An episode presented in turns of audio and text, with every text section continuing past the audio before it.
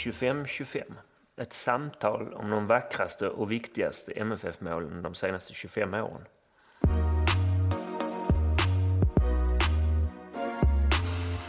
Mål 14.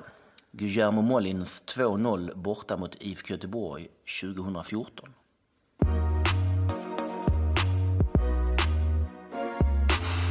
Målet.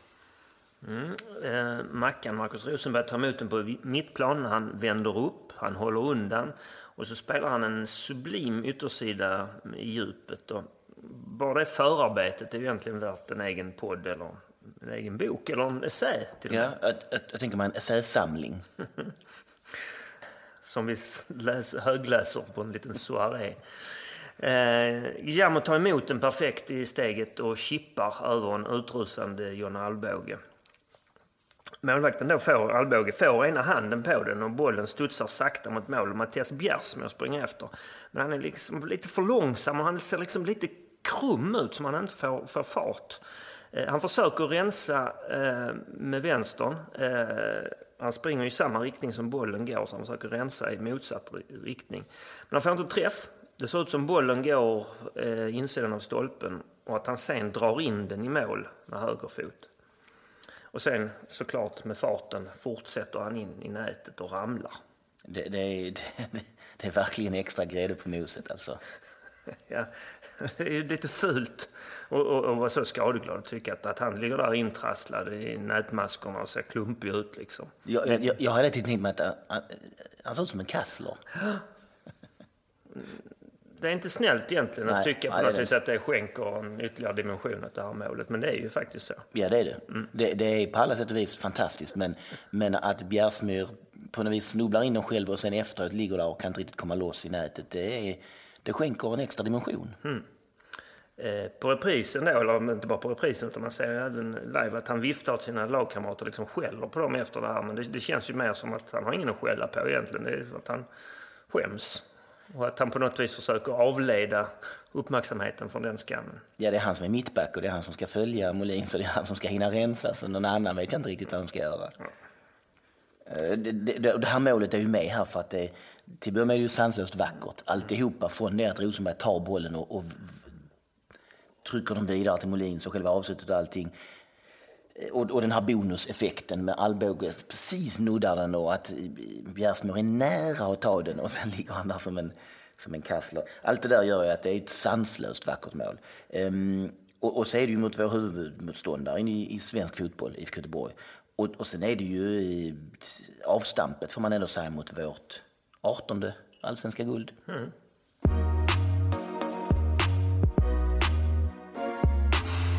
Tabelläget då var det dags för Henrik igen som ska berätta lite grann om var vi befinner oss i tabellen etc. Mm. Det är ju inte mycket till tabell för året har just startat. Vi ligger förvisso etta kan man ju säga efter första omgången för vi hade eh, slagit Falkenberg. Och det här är alltså den andra omgången. I den första omgången slog vi Falkenberg, något krampaktig premiär men ändå blev det 3-0 till sist. Eh, det var bara en dryg kvart kvar faktiskt när Otto Martler fumlade in ett Magnus Eriksson-skott som inte var särskilt märkvärdigt. Och sen gjorde Tern två. Inbytt va, Tern? Mm. Och gör 2-0 eh, och 3-0. Den här matchen är hemma på Stadion. Mm, precis. Och i det läget då i serieledning efter en omgång. Ja, och det här är alltså andra omgången vi möter Göteborg borta. Precis.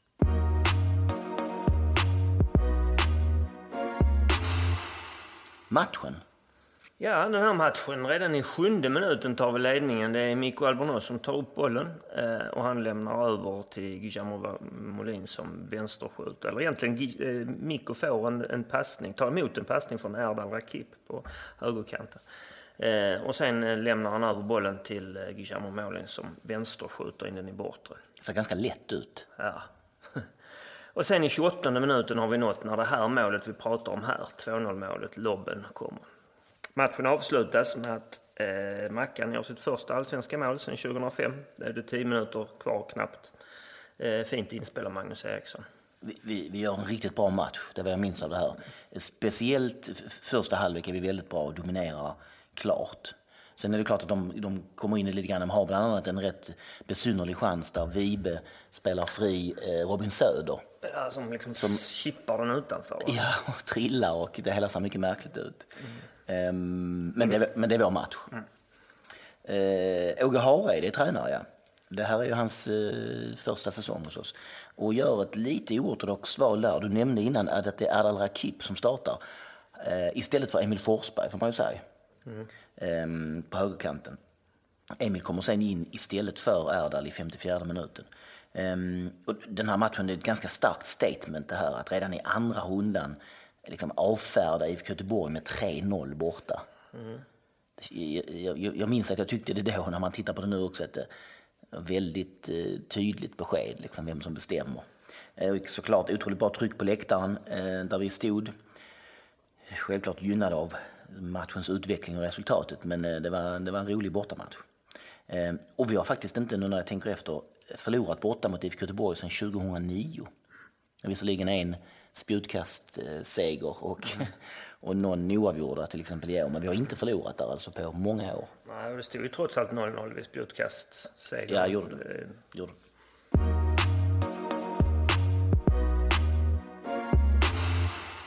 Målskytten. Guillermo Molins, han är kapten i den här matchen. Um, Eh, han har spelat hos oss ganska länge. Han gjorde debut redan 2006 faktiskt.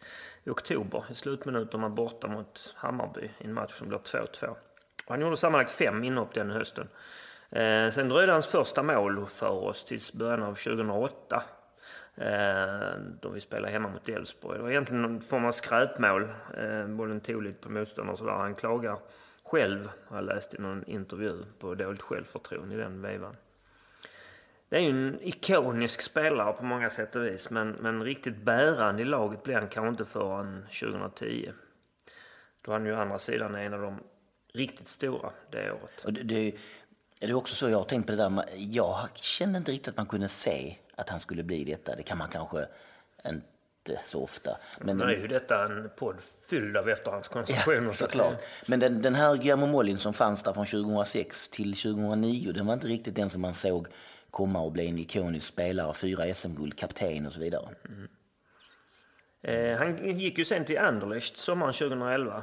Eh, där blev han direkt om korsbandsskadad. Typ första träningen, typ. Var det inte så? Ja, var det inte i match? I match till och med, ja. ja. Men det var liksom omedelbart han hade ja, anlänt. precis. Eh, så småningom blev han utlånad till Betis i Spanien. Eh, han får väldigt lite speltid där och så återvänder han ju då till oss 2013, sommaren 2013. Och just där och då, minns vi pratade om det, att då kändes det ju kanske lite mer som en, en värvning som breddade truppen. Hans status rent fysiskt var osäker, mm. sådär, varit skadad så länge och så lite speltid. Det hade att göra med skadorna, garanterat ju. Mm. Men eh, den där hösten 2013, mm. eh, då bär han ju oss faktiskt med en massa viktiga mål, mm. avgör matcher. Och, och då spelar han ju anfallare en hel del för att han eh, han är väl egentligen ersättare till Tokoloranti. Mm, då kan man ju säga det. Mm. Um, och våren 2014 uh, är han ju också lika stark och viktig som han är hösten 2013. Fast här är han ju mer ute på kanten. Spelar någon form av utommittfältare va? Ja, det är ju egentligen han, Rosenberg och och Magnus Eriksson, ja. En rätt stark trio det. Mm. Men, men så skadar han knät, eh, andra knät faktiskt, mm. i den där olycksaliga eh, borta träningsmatchen eh, mot Partisan eh, på sommaren, precis innan Champions League äventyret ska dra igång. Ja, det vet jag att det var inte omedelbart konstaterat det här att det var en korsbandsskada, men liksom allting pekade på det, så på något vis bara han visste det nog själv ja, att det var den. Och jag kände då att det, där gick luften ur. Kanske mm. kan vi rädda allsvenskan, men Champions League kan vi ju glömma. Mm. Eh, så blev det nu inte. Och, och sen var det ju väldigt komplicerat allt det här med långdraget, eh, operationer såklart, en andra korsbandsskada. Um, men så gör han comeback sommaren 2015, alltså sommaren efter. Där ser det ju inte riktigt ut som det gjorde 2013-2014. Nej, det ser seg och tung mm. ut. Inte så konstigt kanske, men Eh, det var ju också en, en, comeback som det byggdes upp för väldigt länge. Att man liksom hoppade, han ja. kanske kan spela då och då, han kanske kan vara med i premiären. Och, Och liksom, han sågs ju som en spelare som så fort han skulle vara tillbaks och, och vara spelklar så skulle han vara helt ordinarie. Och så blev det ju inte. Nej, och han gör bara sju inhopp 2015. Eh, ja, och det, det det är ju det här med spelare som har lämnat oss. Man vill ju gärna när de, när de har försvunnit att, att de ska prata om den här tiden i Malmö som ja, kanske inte just den lyckligaste i deras liv, men i alla fall att de har fina minnen. Ja, jo, ja. Eh, Men att, att de åtminstone ska tala väl om Malmö, det tycker jag vi senaste åren på något vis har lyckats lite grann. Men man ser att sådana som Jimmy Durmaz och Agim Mehmeti och vem det nu än är sitter och tittar på matcherna och skriver Tocco den ja, precis. Och de, är liksom fortfarande jätteglada över det här. Men ehm, så blev det inte riktigt här. Nej. Det blev ett trist och utdraget slut. Eh, Kontraktsförhandlingarna var ju en, en följetong i pressen egentligen. Eh, I alla fall under 2016 får han ju lite speltid igen. Han startar, ja, tre starter, fyra inhopp, eh, tre mål på det. Och avslutningen är ju magnifik där med två mål mot Gefle där vi särskilt minns den här klacken som betyder 2-0. Det är hans sista mål för oss. Det är ett ganska eh, fint avsked. Och då är vi i, i, i, precis innan sommaren där, maj. Eh, han är, blir sm- småskadad matchen efter den eh, mot Gävle och, inte tillgänglig. Och så spelar han inte mer och eh, försvinner i början av juli till Kina. Precis. Andra ligan. Just det, och där är han då eh, ett tag och sen idag hittar vi honom i Panathinaikos. Just det, jag vet det. Eh, och där har han ju faktiskt eh, hittat lite hem igen verkar det som. Gör mål, får spela, verkar vara en bärande spelare i det laget. Och vad det verkar också får man säga, att i relationen med Malmö FF noterade vi ju nu när han fyllde år. Att Malmö FF la ut på sociala medier att de gratulerade Guillermo Mollins. Och då svarade han väldigt glatt ehm, och gratulerade till de två stjärnorna. Eh, och så var det kremlologer, som man säger, de som som eh, fanns förr som undersökte hur, vilka som höll med vem i, i Kreml under det gamla kommuniststyret. Kremlologerna på sociala medier, MFF, noterade då, letade sig bakåt, att eh, Markus Rosenberg och eh, mm, Guillermo Mollins hade följt varandra på, olika sociala medier. Men sen hade vid en tidpunkt eh, i- Molin slutat följa Rosenberg. Men nu har han börjat följa Rosenberg igen. Allt detta pekar ju på, otvetydigt, på att eh, snart är Molins MFF igen. Vi avslutar med att säga att än så länge då, Ja, för alla oss konflikträdda är, är ju allt detta som, som du nu berättar, det är ju prima nyheter. eh, Inalles, Information. just nu då, eh, så står han antecknad för 142 matcher i vår tröja, 34 mål.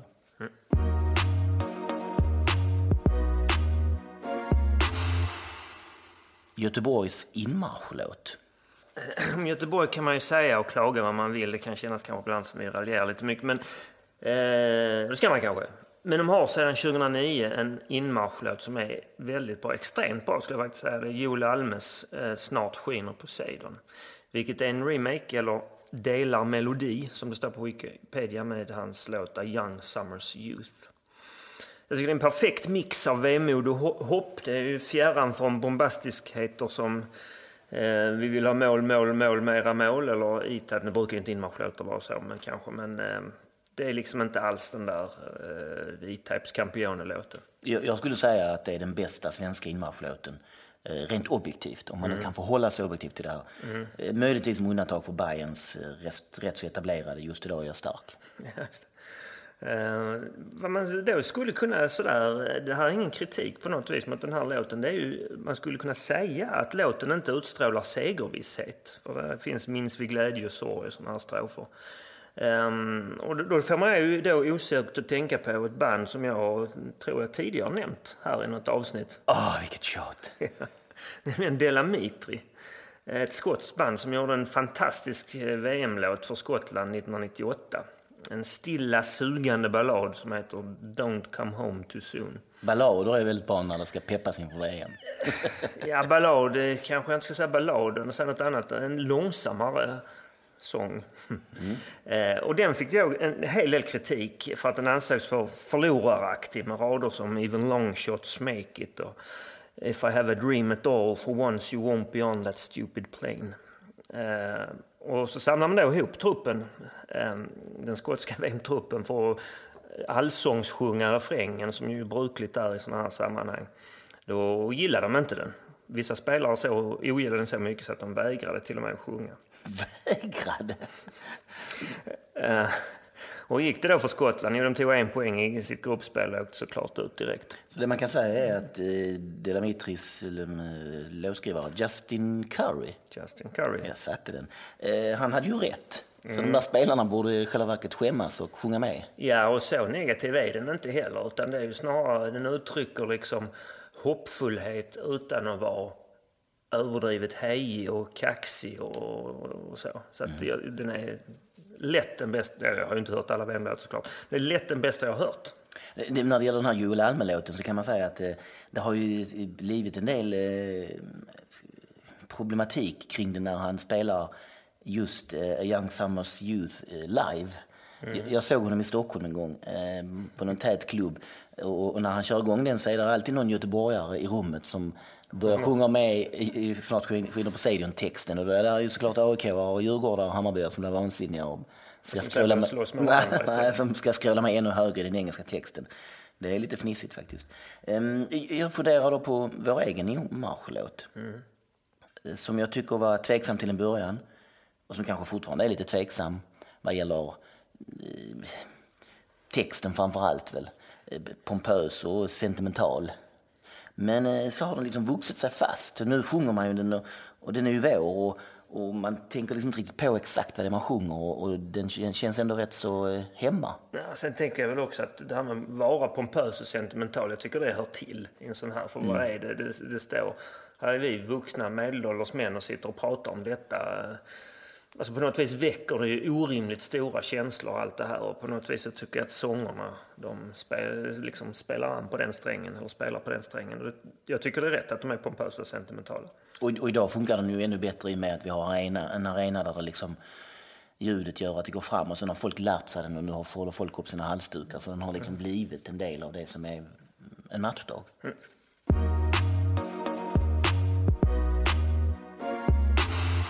På plats, ja då har vi Guillermo Mollins med oss och då undrar vi ju... På länk från Aten. Precis, och då, och då undrar vi först av allt, kommer du ihåg det här målet? Självklart. eh, ska jag beskriva det? Gärna. Ja, det, det jag kommer ihåg det är att Rosenberg vinner bollen eh, ungefär vid halva plan, långt ut till höger. Eh, krigar mot två göteborgare och vinner bollen. Skär in i banan och, och ser mig komma löpandes på andra sidan planen. Och lägger en perfekt eh, yttersida eh, som jag får med mig i steget. Och så kommer Alvbåge på, på halvdistans och det var så jävla gött.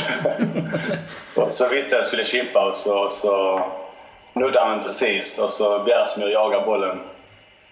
Eh, Jag tror att eh, Alvbåge skuttar till och försöker sprattla. Jag vet inte vad han håller på med riktigt. Men och så går han in i målet. Så det minns jag väl, det målet. Och hela den matchen minns jag väl.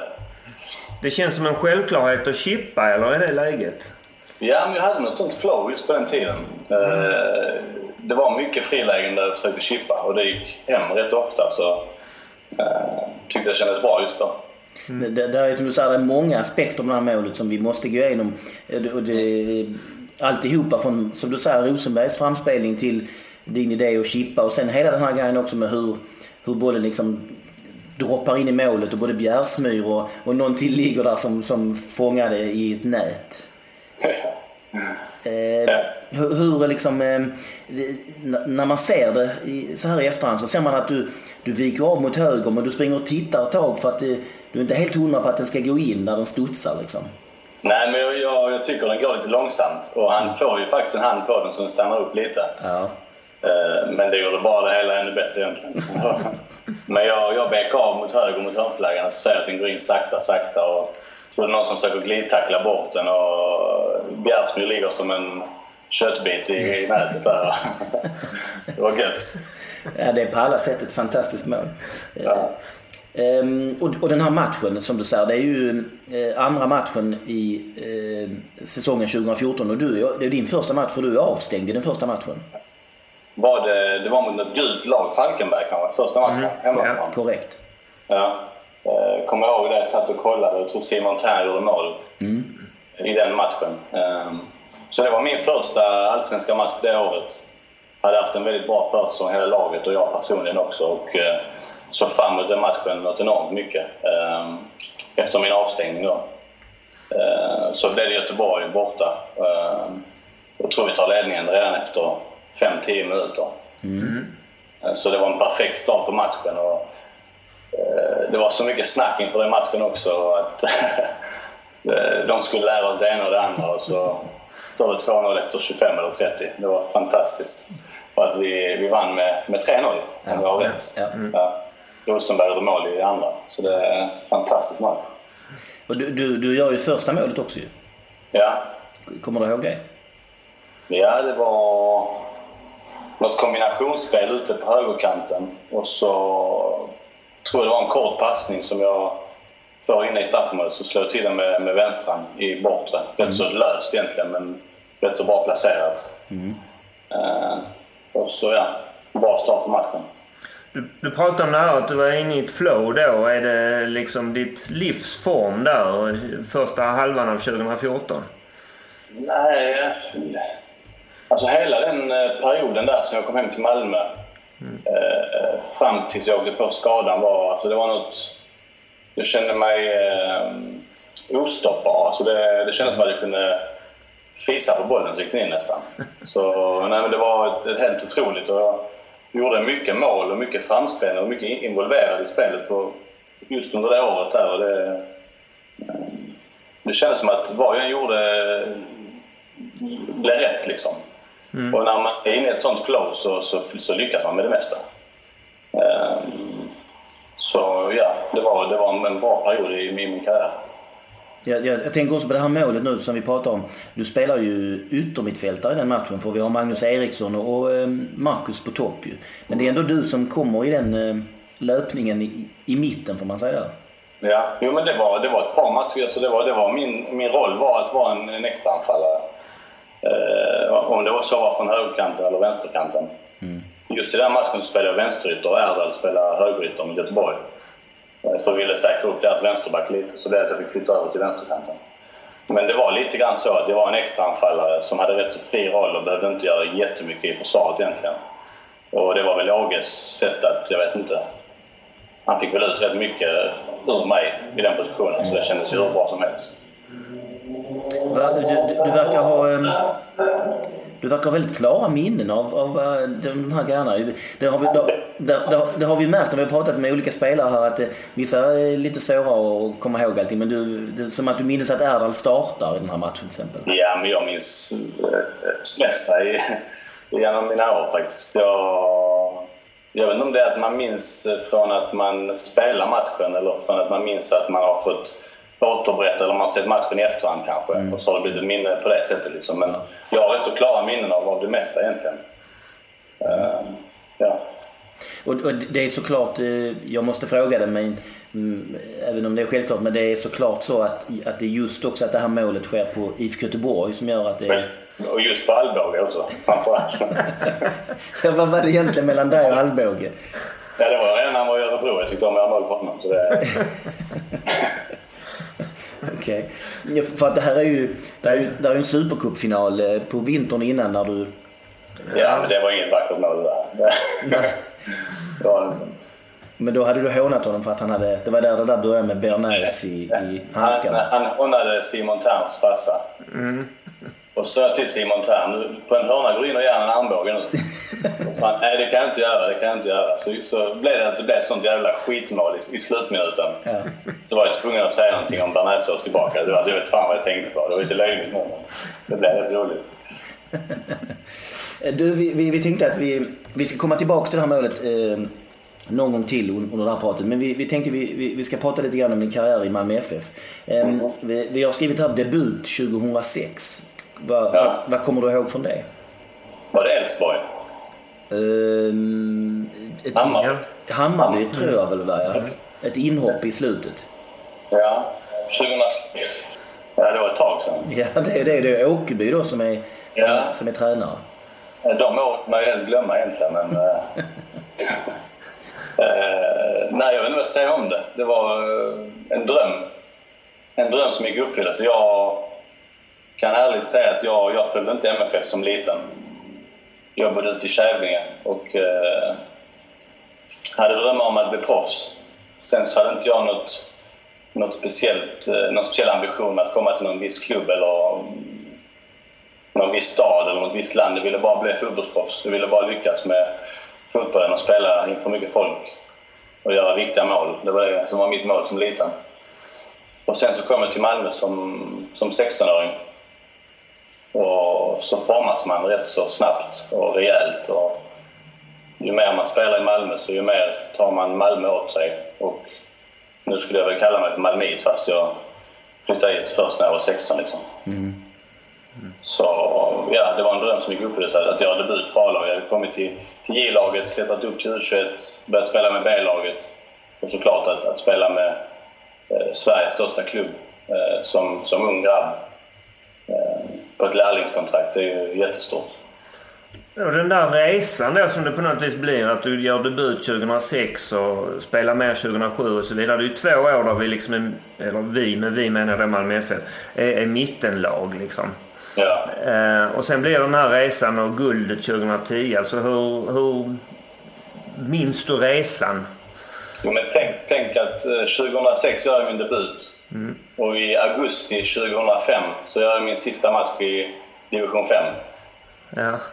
Eh, så det gick rätt snabbt. Liksom. Ja. Man klättrar rätt snabbt på, på ett par månader bara. Att gå från ett mittenlag i division 5 till vad då var ett mittenlag i Allsvenskan men ändå med Mm. Med alla meriterna, alla, alla titlar som Malmö ändå hade.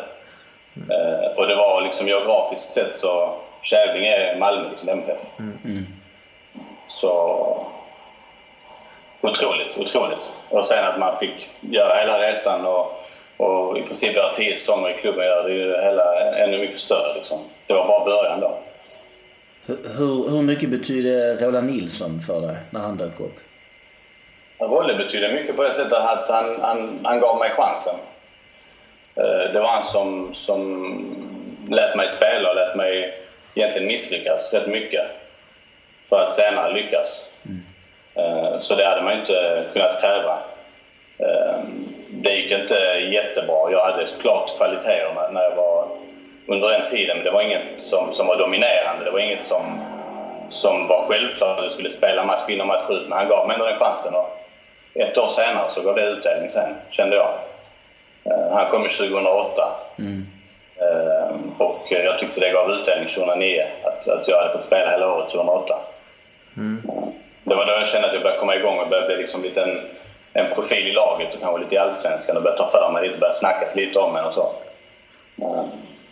Fast man hade, jag tror jag hade över 22, 23 startmatcher redan 2008. Mm. Och det gör ju en del när man får misslyckas. Liksom. Och som ung kille, att man får ändå förtroendet. Man spelar nästa match igen, man spelar nästa match igen. Så Roland har mycket att tacka. Och, och sen då så, um, tänkte gå igenom, du har ju fyra SM-guld med föreningen. Um, mm. Och de fyra SM-gulden är liksom tagna på lite olika sätt och på lite olika positioner och vis för vi börjar med 2010 så så var det ju en form av eh, kamp mellan, ni var tre spelare om två positioner ja. som liksom ja. varvades om. Mm. Ja, det, det var ett, ett bra år. Eh, det var Pep som kom in det året, Pep Clotet. Eh, med massa vilja och energi och mycket utskällningar också hade han med sig i bagaget. det formar mig en hel del faktiskt. För jag, jag behövde någon som styrde upp mig och kunde skälla ut mig. Ehm, varför? Behövde det. Jag mm. kan inte förklara varför. Jag var, jag, på den tiden, du vet 2010, då hade jag gjort ett bra 2009. Var på väg uppåt. Man blev lite bekväm. Mm. Man börjar känna sig lite som en liten stjärna fast man kanske inte är det hela tiden. Mm. Man glimtar till och så tror man att man är Zidane liksom. Så han var rätt snabb med att efter en dålig match få ner en på jorden igen och säga du är ingenting än. Alltså, du har inte gjort ett skit i ditt liv än. Okay. Så det var rätt bra. Okay. Mm. Om man tittar på nästa guld där 2013 då kommer du hem mitt i. Mm. Och är ju egentligen den som gör i princip alla de avgörande målen. Ja, så det året var också fantastiskt. 2010 var vi, alltså det var ett ungt gäng. Det var första gången på länge vi vann 2010. Det var väldigt förlösande, det guldet. Det var mitt första SM-guld. 2013 hade jag haft en, en misslyckad eh, utlandsvistelse, en långtidsskada. Komma hem för att spela fotboll och, och eh, ville få en nystart egentligen. Jag visste, kommer ihåg jag sa på en presskonferens i början och folk var lite oroliga och eh, tidningarna frågade om, om de här två åren med lite speltid hade satt någon prägel, om jag behövde någon längre startsträcka, eh, om jag skulle kunna hjälpa till direkt. Och sa jag Eh, jag vet inte hur det kommer att utspela sig, men jag vet bara att jag är en bättre spelare nu än vad jag var när jag åkte härifrån. Och eh, som tur var så allting föll på plats väldigt snabbt. Eh, jag hittade en, en anfallspartner i, i Magnus Eriksson som det klickade jättesnabbt med.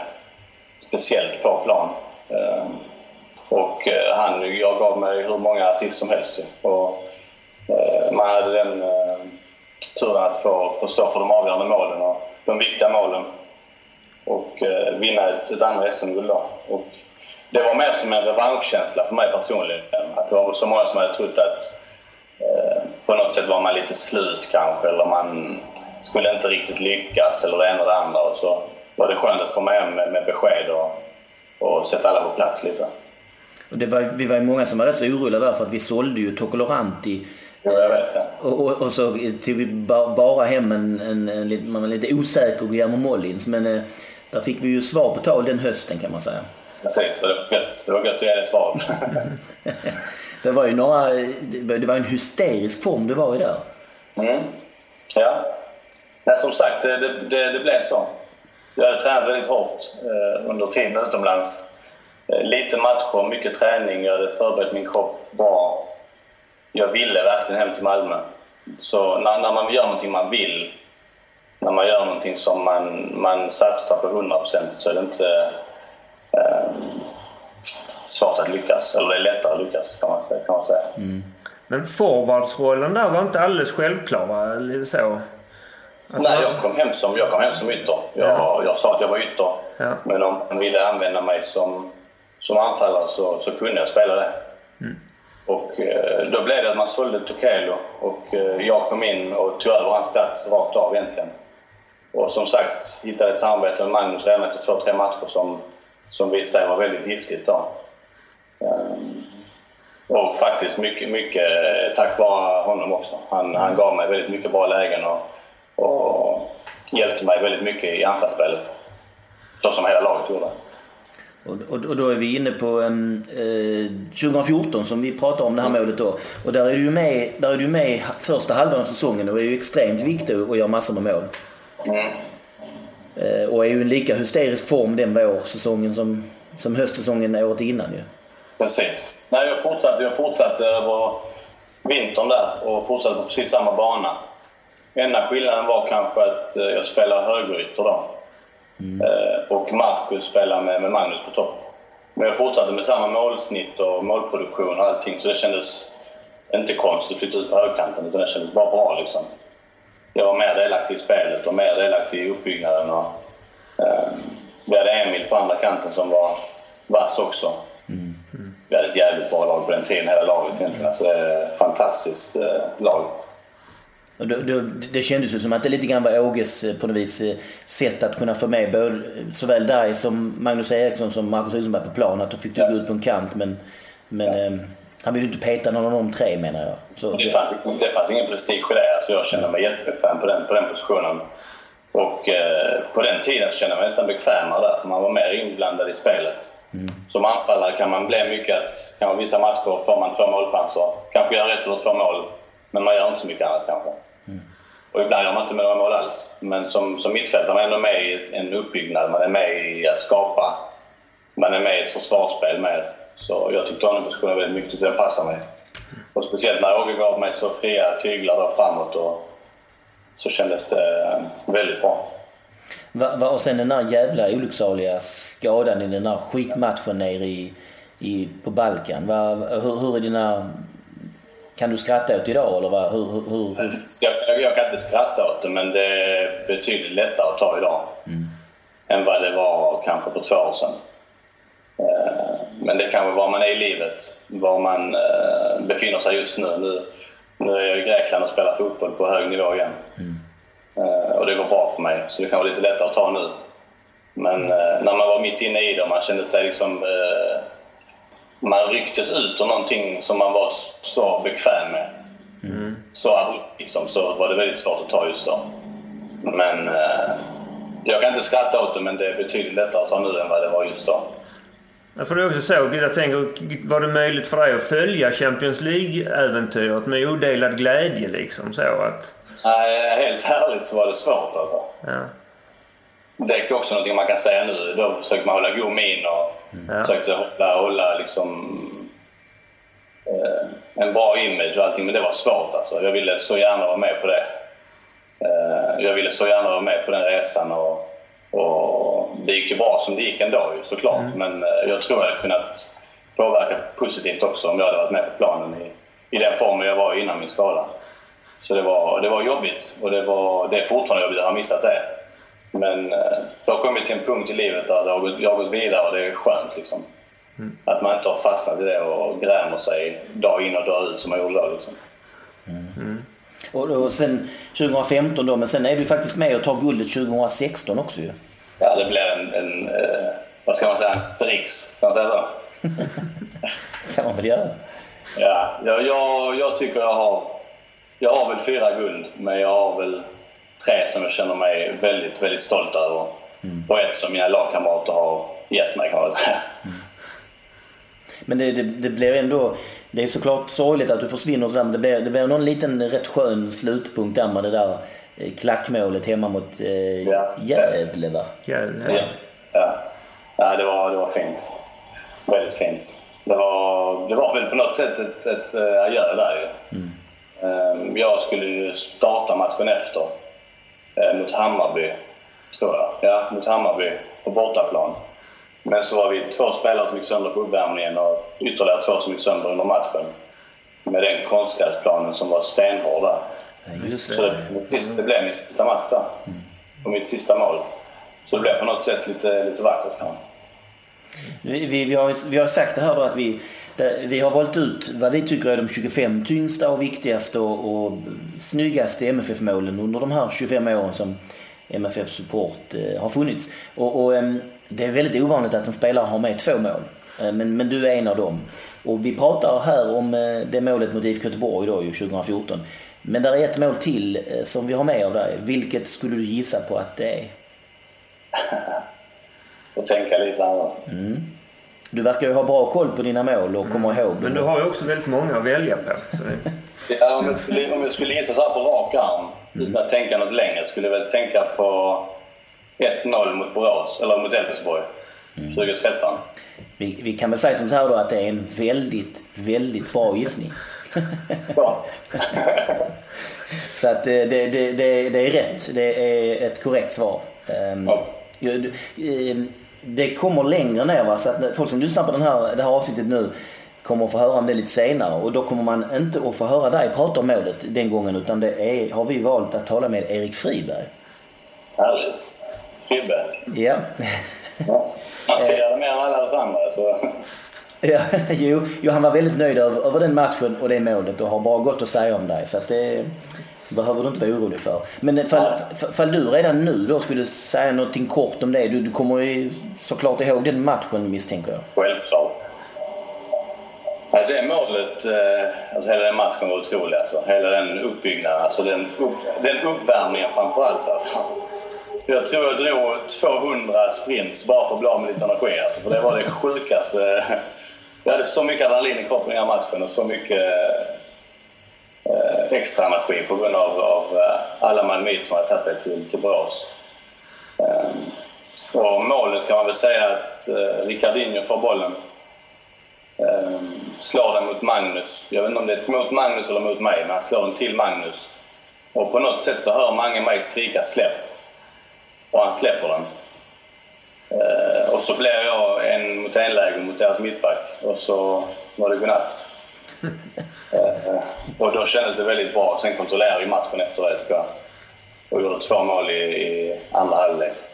Men eh, det var, väldigt, det var ett av mina, faktiskt ett av de skönaste målen jag har gjort faktiskt. För det, den kände jag knappt den bollen på foten av. Ja, sen är det ju faktiskt en chip där också som det blir- det blir 2-0 på. Som man inte förstår från där vi står att den går in. Nej, Nej det var fint. Eh, Du gissade rätt alltså, det är, det är bra. Är det, är det, du har gjort många mål för oss. Är det några andra mål som du själv tycker att det här, det här håller du högt eller det här minns du väl liksom? Ja. Om man ska dra in Alvbåge i diskussionen nu igen så... Jag hade ett bra mål mot Örebro eh, precis innan jag sålde till Anderlecht. Eh, Ett från, tror det är nästan 40 meter. Japp. Och så lite senare så sköt jag från straffområdeskanten i andra krysset. Och så kommer jag ihåg varje gång jag fick bollen, egen, även på egen, egen planhalva, så var det hela stadion skrek skjut. det minns jag väldigt, väldigt väl. Vi ska, vi ska se till att tagga Alvbåge när vi lägger, Ja, ut den här, lägger ut den här podden så att han kan... Jag vill. Men apropå det här nu då, liksom skott, allt sånt. Jag tänker på det, du är helt ordinarie i ett lag i en högrankad liga. Hör, du någonsin av Jan Andersson? Nej, han skickade ner någon uh, gubbe här. Nu är jag så, nu är jag så uh, uh, glömsk att jag inte kommer ihåg vad han heter.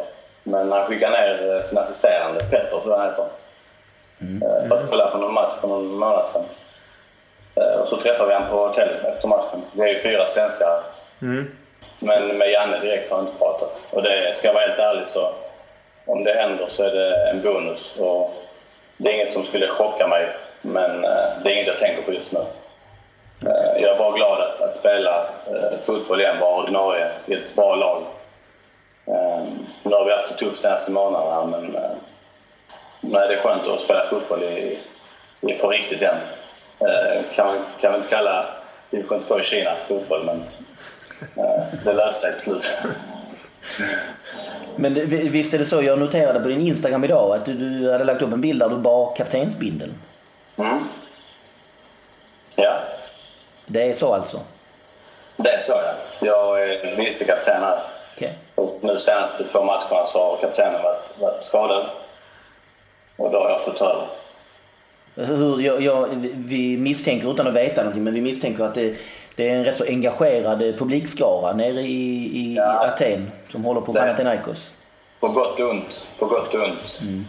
Eh, De är väldigt engagerade och väldigt, eh, de brinner för, för klubben och brinner för att eh, klubben ska hitta tillbaka till, till gamla... Det, det, är- en storklubb som har spelat i Champions League, gått väldigt långt Champions League. Vunnit många titlar i Grekland. Men har blivit överskuggad av Olympiakos senaste åren. Och det är en klubb som vill hitta tillbaka till, till första platsen. Och som, som sagt, när det går bra, som det gjorde i början av säsongen här, så, så var det väldigt bra stöd och väldigt bra allting. Och sen så, senaste månaden har vi gått eh, tre oavgjorda, en förlust. Och eh, då vill de hänga en. Och det, så är det. Okej. Då kommer de ner till träningsanläggningen med sina motorcyklar och, och har eh, kvartssamtal. Så man lyssna. Okej. Men, men, men du verkar trivas där. eh, Du verkar... Jag trivs jättebra. Jag har kommit till en, till en klubb som, som trodde på mig när jag hade det tufft och, och gav mig ett hyfsat långt kontrakt och lät mig spela mig i form. Eh, som nu när jag fick det här första halvåret eh, för att komma in i det eh, förra säsongen då. Och så när den här säsongen började så fick man ett större ansvar, blev vicekapten och startspelare och eh, kan man säga lite av någon som drar laget i, i öronen kanske. Så, nej, jag, jag trivs väldigt bra här och tycker om att ha stora skor att fylla. Så, Det känns jättebra. Vi, vi, vi måste ju påpeka det här också. Det, det, det, jag misstänker att du vet det här, men jag säger det ändå. Du är ju en ikonisk MFF-spelare. Ja, jo, det vet jag. Det, det, det är väl fortfarande så misstänker att många hör av sig och, och liksom eh, tycker saker och kommer ihåg dig och vad det nu är. Ja, jo. Det, det, det blev så. Eh, Jag hade en period när det stod väldigt mycket stilla. Jag valde att eh, åka till Kina och spelade ett halvår där. Och då dog väl rätt så mycket ut kan man säga. Det blev rätt tyst liksom. Jag tyckte det var rätt gött just då. För jag tyckte det var rätt så mycket huller om buller och mycket skit från alla möjliga håll och även från mitt eget håll. Ehm, så jag tyckte det var skönt att ta distans. Och sen så valde jag att avbryta det kontraktet där borta. För att försöka hitta tillbaka till någon någorlunda nivå av fotboll. Liksom. Där jag kunde känna mig stolt över att spela. Ehm, och då kom Panathinaikos upp och gav mig ett ett och ett halvt års avtal. Och det kunde jag väl inte tro egentligen att det skulle ske. Men de såg väl att jag var en spelare som hade någonting och som om det gick bra skulle kunna hitta tillbaka till det. Och det har jag gjort nu och eh, det känns jättebra. Och då när man blir framgångsrik igen då och allting går bra så, så blir det så att det blir en, lite av en hype igen kanske. Folk kanske mm hör av sig igen och kanske man börjar synas igen. Och, så allting är liksom som, som det brukar vara. När det går tungt så är det rätt tyst och när det går bra så är det inte så tyst. Men jag menar, du, du är ju... För oss som, har, som är, som är MFF som har gått på Malmö FF alltid så är du ju en ikonisk spelare. Ja.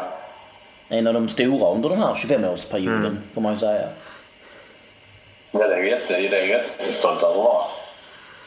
Hur, hur skulle du själv säga är din relation till Malmö FF idag?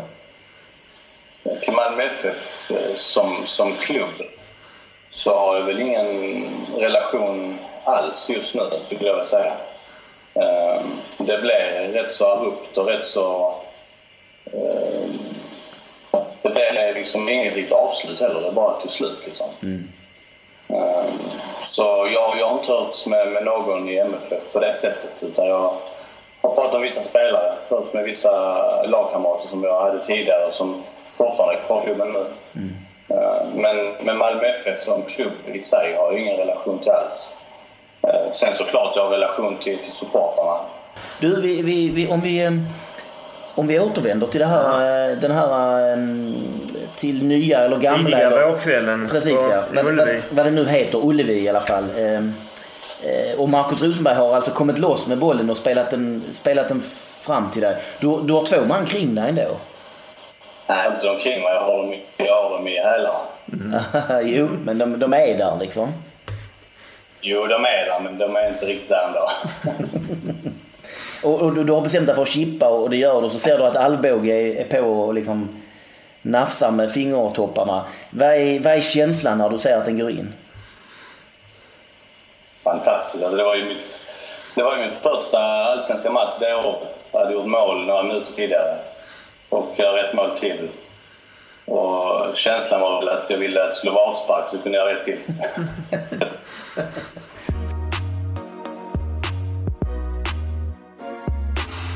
Kluriga frågan. Ja, dags igen. Ni kan det. En klurig fråga till en helt oförberedd Henrik.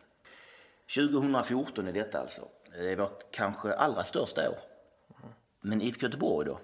Jo, man slutar tvåa i allsvenskan efter oss. Eh, går till kvartsfinal i Svenska Kuppen och till tredje omgången i Europa League där till sist portugisiska mäktiga Rio Ave blir för svåra. Bästa målskytt för klubben är Lasse Vibe som gör 23 mål. Nå, när den allsvenska säsongen startar, sista mars 2014, så står IFK med en 24-mannatrupp inför det här året. Och nu till frågan då. 18 av de här 24 är svenskar. Sex har alltså en annan nationalitet. Tre skandinaver. De kan du. Lasse Vibe från Danmark, Kjetil Wähler från Norge, Hjalmar Jonsson från Island. Men de övriga tre då kommer från världens alla hörn. Jag tänker så här att jag nämner deras nationalitet och så ska du kunna vilken spelare det är. Okej. Okay. Tre av alltså de icke-skandinaverna i mm. Göteborgs trupp 2014, när truppen, säsongen så att säga startar. Brasilien. Eh, 2014? Jag känner ju spontant att det borde vara Sobralense. Och det är rätt. Daniel Sobralense som man införskaffade från Kalmar. Precis. Kalmar. Eh, Sydafrika. Eh...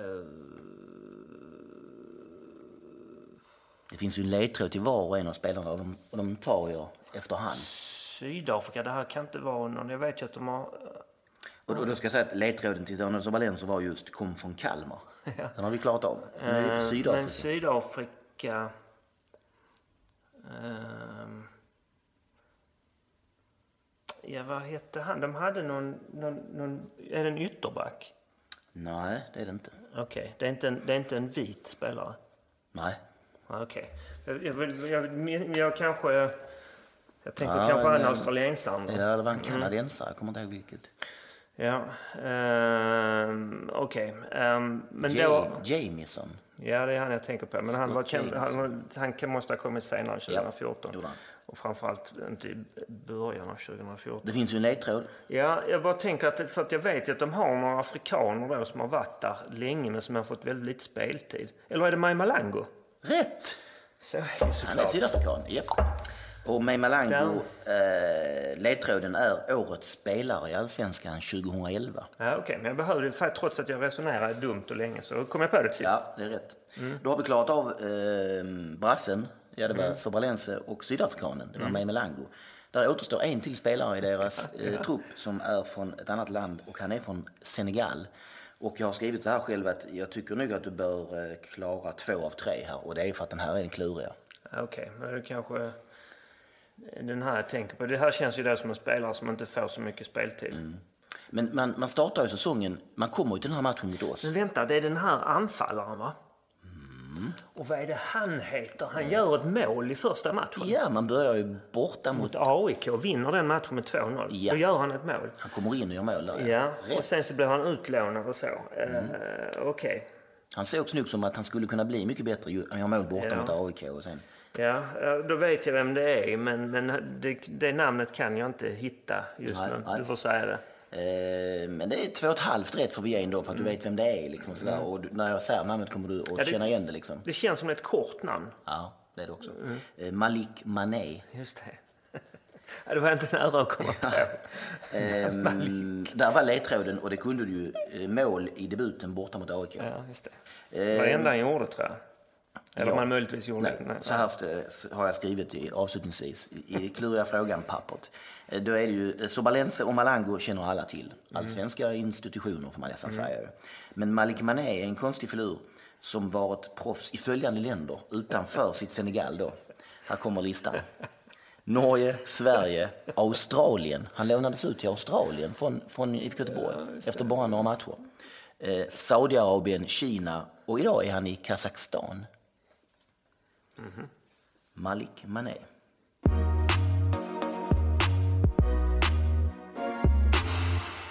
Försmädliga mål. Mm, Beroende på vilket perspektiv man har och tar kan jag säga att de flesta mål innehåller ju ett mer eller mindre stort element av försvarsmisstag. Ett stort inslag av försvarsmisstag. För det kan vara att någon inte tar markering tillräckligt bra, någon låter sig luras eller dribblas av, någon är för passiv, målvakten släpper in en boll han borde stoppat eh, och så vidare. Men så finns det ju mål då som ser extra pinsamma ut. Till exempel Ja, då har vi ju en, en favorit får man säga då.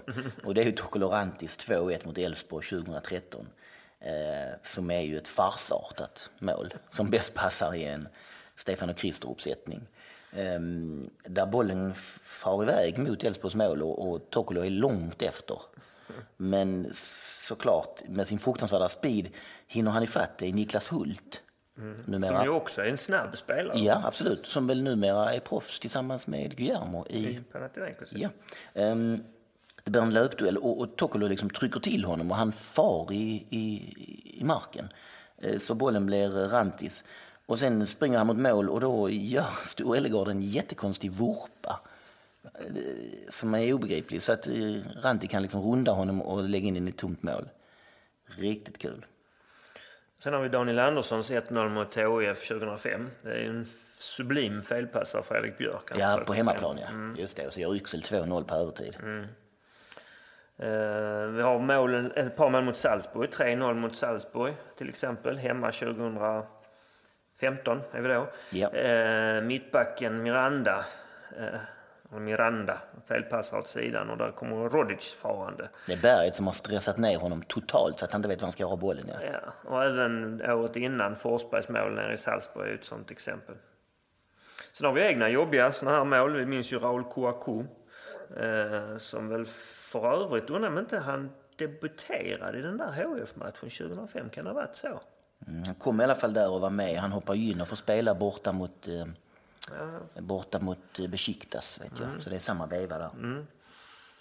Han gör ju självmål mot eh, Hammarby 2006. Eh, eh, han, han, och det var ju en, en extremt olycklig match för honom. Han eh, nickade sönder eh, Christian Järdler också i samma match. Ja. Ehm, han hade sin första match från start då. Eh, inte som ett inhopp men hans första match från start var ett mål, eller en match mot Boys, Landskrona Boys. Där han gjorde ett mål. Och vi Vi vann med 5-0, 5-0. just det. Han skallade in den och så minns jag i tv-studion sen efteråt så, så satt man och berömde bland annat KK och Bosse Johansson sa att, att MFF får mycket nytta av honom. Han är klasser bättre än Abelsson. Men det var han inte. Nej. Ehm, och den där Ba- Bayern-matchen där, där, han gör självmål och förstör Christian Järdlers karriär typ. Ja, så är det ju. Eh, har vi några fler då? Jag, jag, jag funderar på eh, årets säsong då, 2017. Där är det där målet som Kennedy Igbananike gör på oss här hemma. Ja. Där eh, Bror som ska nicka tillbaka bollen och så dyker han upp. Mm. Mål man blir förtvivlad av. För det är liksom inte ens en chans. Hur kan här eh, få lov att komma till? Och ännu mer irriterad är det just sådana matcher som mot Örebro som jag tycker lite grann är vårt signum. vi behöver 20 chanser för att överhuvudtaget göra mål. Men sen kan vi nicka fel en gång så är det 0-1. Ja, det kändes ju som en, en period av säsongen då vi kanske inte skapade jättemycket chanser men också de vi skapade, de avslutade vi hemskt illa på. Nu lyckas vi vända och vinna den där ändå. Men... Ja, ett riktigt skönt Hossi-skott utav Jeremejeff till Ja, 2-1. precis. Det är, inte ens, det är liksom inget bra avslut, men den går in. Det duger.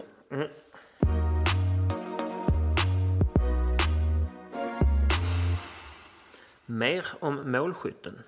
Ja, vad har vi mer att säga om Guillermo Mollins? Jo, jag noterar faktiskt att på hans Wikipedia-sida så används du som källa för eh, en av fotnötterna. Det kan du ta med dig, Henrik. Alltså jag? Ja. Jaha. Eh, Står där nere då, någonting, det står när han gjorde debut eller hur det nu var, och så en av fotnot och så tittar jag så står det eh, Henrik Zackrisson eh, då skrivit där och där. En auktoritet på Guillermo Mollins. Äh, känner jag växer. Precis. Um, Guillermo, ja, det är ju en spelare som kändes väldigt mycket Malmö FF. Speciellt som vi sa då innan, från kanske 2009 och framåt. När han liksom växlar upp och, och blir en... eh, blir ju också en typisk supporterspelare. Där liksom känslorna flödar åt båda håll. Eh, bra målfirande, alltid bra intervjuer med tidningarna och pe- peppar fansen och så vidare. Eh, han har alltså fyra SM-guld hos oss. Det vet ni. Och han har tagit dem på olika sätt. Eh, vi ska mycket kort gå igenom de olika sätten. 2010 så var han en av de bärande spelarna, oftast ute på ena kanten då. Där var det ju, kan man säga, tre spelare som höll på att skifta om de två kantplatserna. Det var Molins, Hamad och Durmas. Inte så tokiga tre. Nej, får man säga. Va? Och han var ju liksom drivande i laget. Drivande, ska vi säga, mentalt också. Eh, Man minns de här, eh, precis mot slutet när de allra sista matcherna när HF spelade före oss och han fick frågan av Aftonbladet om han skulle se matcherna och då skulle han ju, svarade han ju nej, han, han, han tittade på Simpson istället. Eh, det, det, det kändes väldigt malmöitiskt och kaxigt. Typ, jag bryr mig inte hur det går för dem, för vi kommer ändå vinna.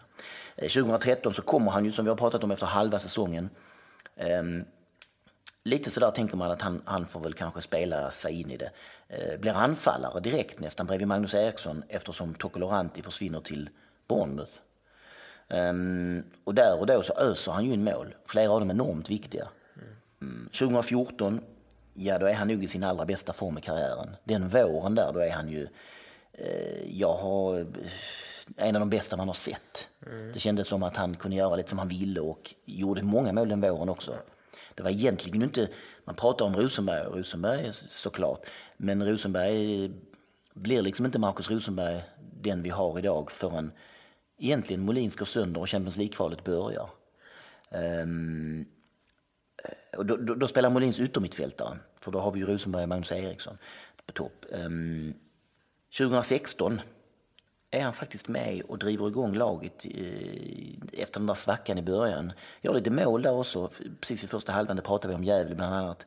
Ehm, det där enorma klackmålet. Och, och sen försvinner han, men det är också ett guld det där. Och, och, mm.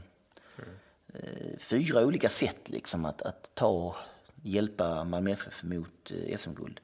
Eh, olika sorters insatser, roller och olika betydelser såklart. Men Molins är faktiskt en av våra stora spelare, tycker jag, de här 25 åren. Absolut, det är så. Eh, och vi kanske får chans att återkomma till Guillermo fler gånger i den här samtalsserien. Ja, fortsätt lyssna.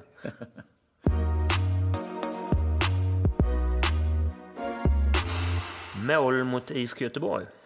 Det här är faktiskt det fjärde målet mot just IFK Göteborg som vi pratar om i den här podden. Eh, och vi är faktiskt fortfarande bara på mål 14.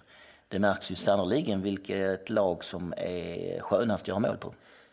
Eh, de andra tre då har vi gått igenom tidigare. Emil Forsbergs 2-1 hemma 2013. Jörgen Petterssons 1-1 hemma 94. Och så Thomas Olssons 2-0 eh, borta guldåret 2004. Och, och, och, det kanske kunde vara något till, men vilket är det i sådana fall? Mm, vi har den där Majstorovics ganska oviga bicykleta 2002. Ja, lite buskisnivå på den faktiskt. Mm. Han liksom får lägga sig ner. Det blev väl årets mål också? Ja, det blev det konstigt nog, för så vackert är det ju inte. Nej, han skämdes lite också. Det kändes ja. som att han fick ta emot det. Det är roligare än det är snyggt. Mm, så kan man säga. Sen har vi den där fantastiska vändningen eh, 1994 borta. Då ligger under med 3-0 ja, eh, och vänder till 4-3. Jocke Perssons sista mål då kanske, mm. som man främst tänker på. Um, det hade vi uppe här med Anders Andersson till exempel. Yep. Eh, juniors. Eh, jättesena 2-1 mål uppe på Ullevi 2007. Eh, Guillermos långskott 2010. Eh, och så har vi då Yoshimari Otuns bomb som betydde 1-0 borta 2015, enda målet där. Det var ett härligt mål för att han är vänsterback och orkar inte riktigt jobba hem eller vad det är, så han blir kvar där uppe. Mm. Och sen får han bollen och så drar han in den i borta. Jag är barnsligt förtjust i Juniors 2-1 eh, borta, för då stod jag uppe på bortasektionen och, och vi spelade jättedåligt och det var inget bra eh, år. Och Göteborg var kanske inte heller... Eh, jo, det är deras guldår ju. Mm. Det är ju fullkomligt obegripligt, för det var en usel match mellan två lag på en grisig plan. Men eh, det är inte ens en chans. Det är liksom ett skott långt utifrån som slinker in vid närmsta. Dåligt skott mitt i mål som jag minns det. Ja, och det, framförallt är det så att det, det känns som att domaren ska precis blåsa av, har pipan mot munnen. Så det är liksom helt förkrossande för dem. Det, det tyckte jag var fnissigt. Men de vinner guld det året. Nu fick jag lite smolk bara för det. Mm. Um, jo, en, en, annan sak jag tänker på nu, här och nu faktiskt, är att om vi nu tar guldet i år säsongen 2017 så har vi faktiskt passerat IFK Göteborg guld även under den här 25-årsperioden. Mm. Eh, som ju annars måste man säga, åtminstone till en början, är ju IFK Göteborgs allra starkaste. 90-talet då. För om man då räknar med guld i år för oss, då är det ju sex guld till oss medan IFK Göteborg under den här 25-årsperioden bara har fem. Och det känns ju ganska bra faktiskt. Mm. Och det måste ju också betyda att vi har flest guld av alla under de här 25 åren. Eh, för några andra lag kan jag inte riktigt komma och mäta sig. Det var väl en bra punkt för detta.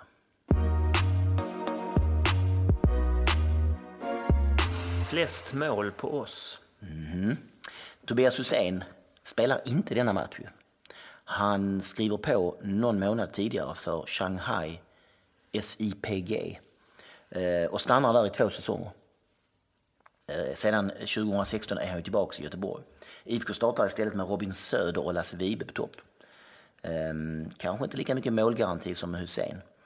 Eh, och där närmar vi oss det här ämnet, flest mål på oss. Tobias Hussein är ju en av de här spelarna som alltid har haft en osviklig förmåga att göra mål på just oss. Ehm, en av de här anfallarna i Allsvenskan som alltid lyckas göra mål på oss. Man retar sig på det här. Ehm, och då bestämde jag mig för att kolla det här fullkomligt idiotiskt projekt. Men nu har jag gått igenom alla allsvenska matcher, alla matcher i Svenska cupen samt alla Europamatcher under de här 25 åren. Även Europamatcher ja. alltså? Och här är då listan, den fullständiga listan. De tio spelare som gjort flest mål på Malmö FF under de senaste 25 åren. Det är alltså våra mardrömsmotståndare helt enkelt. Mm. Det är en hemsk lista såklart. Den är hemsk. Det är lite som sådär man ser på Facebook att folk lägger upp bilder på likmaskar och andra konstigheter. Det är lite samma, samma drivkraft ja. bakom detta. Gore, mm. som man säger på engelska. Eh, men det här är som, som ni vet en podd som inte väjer för de stora, svåra frågorna. Så här kör vi. Topp 10. bästa målskyttar mot Malmö FF 1992 till 2017. Är ni med? Plats 6 till 10. Det är alltså fem spelare som delar den här platsen. Och de har gjort sex mål var på oss. Mattias Jonsson, ni vet, HIF och Djurgårdsspelaren. Mm. René Makondele, som har varit i många klubbar men eh, mest gjort mål mot oss eh, i Häcken. Han spelar i Gävle nu så jag. Hoppade in häromdagen. Andreas Hermansson, anfallaren som har varit i Trelleborg, Hammarby, Göteborg. Har inte han gjort mål för Sundsvall? Sundsvall också, två ja. mål ja, korrekt, mm. av de här sex. Henke Larsson, ja, behövs inte så mycket förklaring, har gjort alla sex målen mot oss i, under tiden i Helsingborg. Eh, och femte spelare här, Mattias Jonsson, René Makondele, Andreas Hermansson, Henke Larsson. Det är fyra stycken allsvenska spelare. Den femte spelaren är Cristiano Ronaldo, va? Real Madrid, som gjorde två plus fyra, det vill säga sex stycken alltså, när vi mötte dem i Champions League-spelet 2015. Nå, det var plats 6 till 10. Nu rör vi oss ner mot de fem översta platserna. Det här är alltså de riktigt otäcka målgörarna. Och då är det plats 53. Där är tre stycken som delar den här platsen, har sju gjorda mål mot oss. Hans Eklund, mål för oss i Öster och Helsingborg. Ja, och hade vi haft med, han måste ha gjort fler mål mot oss ja. tidigare också. Eller jag vet att han gjorde mål ja. mot oss 88 till exempel. Så hade den här eh, podden sträckt sig längre tillbaka än 92 så hade han hamnat högre upp på listan. Tack och lov. Så är den så. Hans Eklund Öster HF alltså på sju mål. Jonas Wallerstedt, liten outsider då kanske. Mm, varit svårgissad. Eh, I Norrköping, Sundsvall, Göteborg. Ett mål här och var liksom under många år. Och till sist sju stycken. Min gissning är nästan alla på nick. Det var väl hans stora förmåga att dyka upp där och... och, och... Jag har svagt minne av det där med Norrköping, att det liksom bredsidan in mm, men, ja. men, absolut. Sju mål alltså var på Hans Eklund och Jonas Wallerstedt. Och sen kommer vi till den stora överraskningen på den här listan. Richard Teberio. Va? Vet ni ens vem detta är? Richard Teberio, jag är osäker på, ut, på uttalet ska jag säga också. Han spelade för Västra Frölunda mellan 1990 och 1995 eh, och gjorde där två hattricks mot oss, plus ett mål i en annan match. Och han är den enda spelare, så vitt jag förstår, efter en noggrann genomgång som har gjort två hattricks på oss. Richard Teberio. Alltså menar du då överhuvudtaget? Överhuvudtaget så långt man, det är möjligt att det är någon 1900, vad det nu kan vara, 21. Mm. Det kan jag inte svara på. Um, det här är så remarkabelt så vi måste gå igenom hans mål. Uh, målen som Richard Teberio har gjort, det var i sista omgången 93. Kommer du ihåg när vi förlorar hemma mot Frölunda 4-5 i en konstig match? Richard, ja, Richard gör 1-0, 2-0 och 4-0. Sen hämtar vi upp det och sen gör de ändå 5-4 precis i slutet. Jag tror det är den matchen faktiskt som innebär att Viggo Jensen får sparken. Um, ja, vi tappar en avplacering ja. Och eh, året efter, när vi är framme på 94, i omgång 14 så vinner Frölunda hemma med 4-1. Och där gör Richard Tiberio 1-0, 2-0, 3-0. Och sen eh, året efter det, 95, så slår vi Frölunda med 3-1 hemma i omgång 13. Och där reducerar faktiskt Richard till 1-2 innan sen Jörgen Pettersson kan avgöra matchen med sitt 3-1 mål. Eh, och det här är ju väldigt förvånande, för alla de andra spelarna på den här listan, även de två som vi sen ska höra som ligger etta och tvåa, det är ju spelare som man liksom vet om att de har gjort massa mål på. Så det kryper liksom i en. Man vet. Hade man fått gissa så hade man sagt alla de här spelarna. Um, man känner det på sig. Liksom. Henke Larsson och Hans Eklund har gjort en massa mål på oss. Um, men Richard Teberio, jag, jag, tror inte det är någon som ens vet vem han är. Uh, jag kan inte riktigt se honom framför mig ens. Ehm, och minns faktiskt nästan inga av hans mål heller. Uh, han har faktiskt uh, haft en märklig karriär. Sedermera efter Frölunda har han varit proffs i Andorra och Finland. Han bor nu i Göteborg, 46 år gammal. Jag kollade upp honom och vi har en gemensam vän på Facebook och det är Niklas Skog. Så jag skrev till honom på Facebook och upplyste honom om just detta, om att han var den spelare som tredje bäst för att ha gjort flest mål på Malmö FF. Uh, eh, och um, frågade honom varför han trodde att det var på det här viset. Hur det kan komma sig att en okänd Frölunda-spelare. Och han verkade bli glad när jag skrev och så förklarade han sina sju mål ganska kort med att eh, jag hade, jag hade lätt för Johnny Fedel. så om Johnny lyssnar på det här va, så ehm, um, får det kanske bli upp en resa till, ta en resa upp till Göteborg och samtala lite med Richard. Uh, det var Richard Teberio det. Mitt största minne av det här är i alla fall att efter den där matchen 93 där han gör tre målen så eh, tyckte min granne som jag brukar cykla till och från matcherna om att, eh, att det var, eh, han kunde liksom inte ens ta in att en helt okänd spelare hade gjort hattrick med FF. Så han kallade honom Joe Labero för att han tyckte att det lät eller liknade eller var snarlikt liksom Richard Teberio. Så jag har alltid tänkt på honom som Joe Labero. Mm. Nåväl, plats två. Den spelare som gjort näst flest mål på Malmö FF under de här 25 åren. Ja, visst är det Tobias Hysén som då inte spelar eh, den här matchen men som är själva startskottet för debatten. Han har gjort åtta mål på oss och han är ju faktiskt den enda på den här listan som kan komma att göra fler. Han gjorde till exempel ett nu i höstas mm. och han har ett år kontrakt, eller till och med två kanske, jag vet inte exakt. Men han kommer säkerligen att spela för IFK Göteborg 2018 i alla fall. Eh, och då kan han kanske göra fler mål än på första platsen. För etta på listan med nio gjorda mål på Malmö FF mellan 92 och 2017, ja det är Mustafa El Kabir. Som alltså gjort målen för Mjällby och Häcken och som alltid varit en riktigt läskig anfallare som liksom passat oss rätt så illa. Fart och fläkt och, och målfarlig. Man kan ju, han skulle ju teoretiskt sett kunna hamna i Sverige igen. Så bara är ju, han, Just, möjligtvis. han är inte ja. så gammal. Nej, han är inte lika... Richard lär väl inte göra fler mål på oss kanske. Får vi hoppas. Eh, är det någon eh, du tycker sådär är lite förvånad över? Förutom Richard Tiberius, om du tänker att ja, har inte han... Alltså, Jonas Wallerstedt trodde jag ju aldrig. Nej. Eh, så. Den jag framförallt tänker är att Alvaro Santos är inte med. Han Nej. är en sån som jag alltid har tänkt att han har öst in på oss. Ja. Han har gjort fem, så han är precis ja, utanför okay. listan. Mm. Ja, för det känns precis. Och det känns ju som inte det var så länge sedan heller, den här nicken då 2013. Mm. Ja, ja, det är hans femte mål. Ja. För det känns ju som det var ett tag där att, att det kom en boll, han djupled, han joggade ifrån alla och rullade långsamt in den i mm. ena hörnet. Men, och det gjorde han säkert, men inte så många, inte så många gånger som Richard Teberio.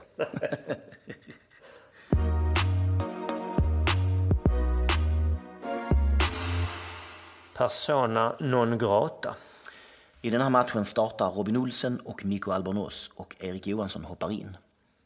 Eh, tidigare i den här podden har vi nämnt Lulushanko och det kan hända att vi om ett tag tar upp en nigeriansk anfallare som ofta klottrade bibelcitat på, bibelcitat på en vit t-shirt eh, under matchtröjan.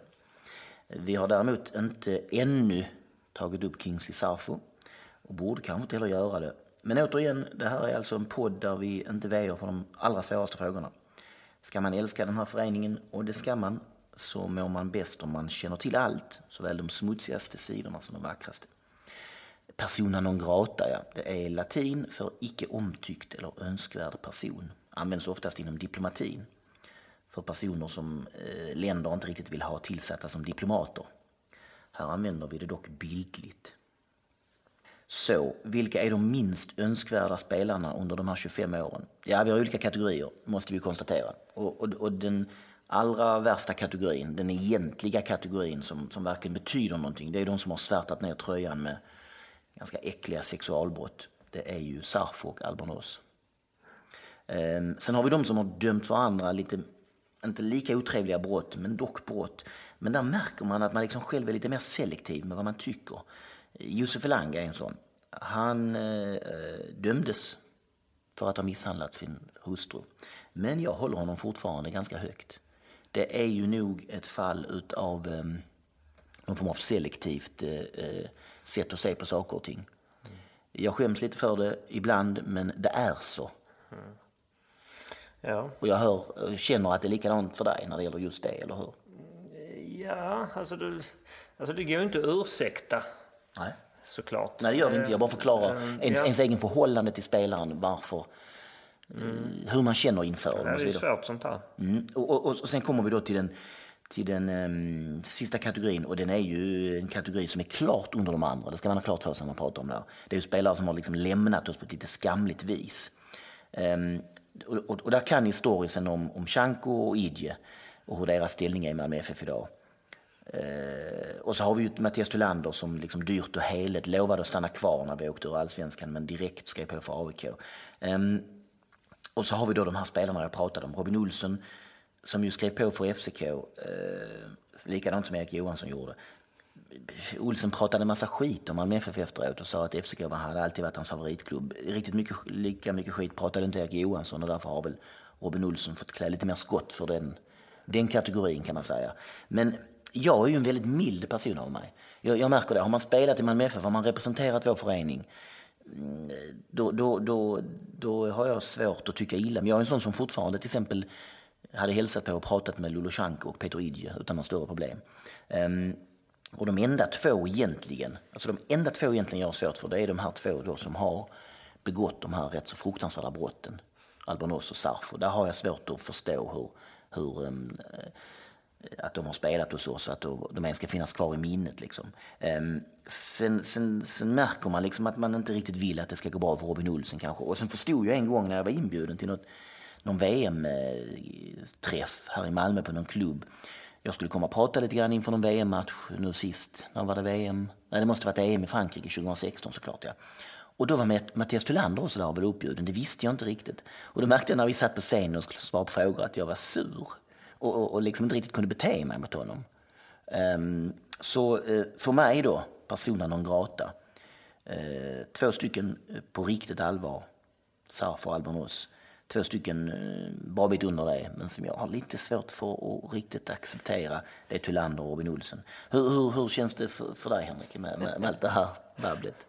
Ja, nej, men det är på något vis så... Eh, vad ska jag säga? Det, det är klart att jag tycker inte heller man kan spela i föreningen eh, om man är dömd för eh, någon, alltså sex med minderårig. Då kan man inte spela i föreningen. så. Sen skulle jag inte säga att eh, jag vet inte. Det känns ju som vad gäller Robin Olsen så, så känns det kanske som vi inte har hela bilden liksom. Det är lite eh, lösryckta intervjuer och så. Eh, och det var väl ganska tydligt att det på något vis skar sig med i samband med att han lämnade. Men, men jag skulle inte så. Jag kan inte säga att jag retar mig på honom eller att jag svär när han räddar en boll för landslaget. Nej. Eh, och sen så där med Shanko och Idje, det är väl liksom någonstans, det har gått så lång tid och Mm. Sådär. Så jag kan, rent så här eh, direkt kan jag inte komma på någon annan som jag skulle säga har personen non grata. Jag, jag, jag brukar tänka så här, om vid, vid tillfället, om, om den här personen då eh, ångrar sig, vill komma tillbaka till Malmö FF. Vi säger just Robin Olsen, ja, om nu Johan försvinner till exempel, ja då inser jag att jag har inte tackat nej till Robin Olsen. För att han är en jättebra spelare och har spelat hos oss. Mm. Och där kommer ju skiljelinjen. För att jag hade ju tackat nej till de spelarna som är dömda för grova sexualbrott precis. Det, här, det andra finns det ju någonstans en, en förklaring för. Jag var sur på det här för att jag blev hindrad från att gå till den klubben eller den klubben. Det går att prata sig runt ja. Det är ju inte, det är som du säger innan, det är en skiljelinje. Det är inte ett, han har inte begått något brott. Nej, nej. Ja, vi är ganska överens ändå. Ja.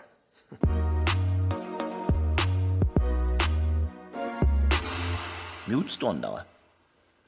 Ja, Mattias Bjärsman är ju det naturliga valet eftersom han som ligger där i nätet och rasslar, du nämnde det med Kassler veckan, veckorna innan jul. Men Göteborg har ett ganska bra lag den här säsongen faktiskt. Den här matchen formerar Bjärsman mitt, mittbackslås, eller lås och lås, men mittbackspar tillsammans med Gustav Svensson. Eh, och de har även landslagsmän eh, och nästan landslagsmän som Jakob Johansson, Sam Larsson och låt oss inte glömma Lasse Vibe som du nämnde innan. Och de blir ju så småningom tvåa det här året även om de på eh, riktigt allvar aldrig utmanar om titeln. För att vi har dragit ifrån långt tidigare och ja. liksom avgjort ju. Ja, och det var ju länge AIK som var närmast men de går ju om där i slutet.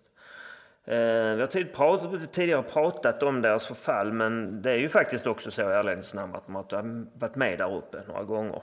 Även 2015 blev de tvåa och hade ju då chansen in i sista omgången tills Norrköping då vinner över oss och de själva inte vinner. Kalmar hemma lyckas inte vinna den sista rundan. Det hade inte det spelat någon roll. Men... Nej.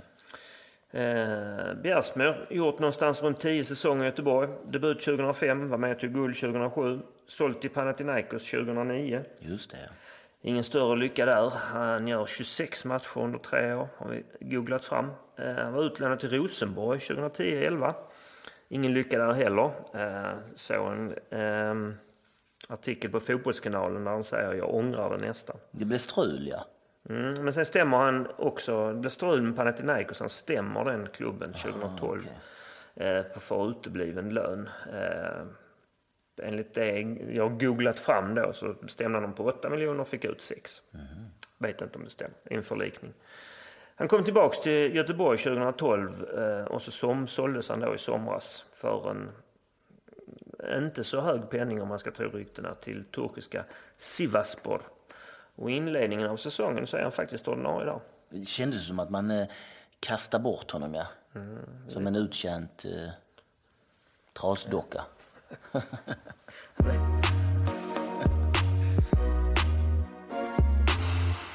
Vi som gör den här samtalsserien heter Tony Ernst och Henrik Zackrisson. all musik och alla jinglar är gjorda av Gabriel Ernst. Podden är klippt av Martin Ringstrand.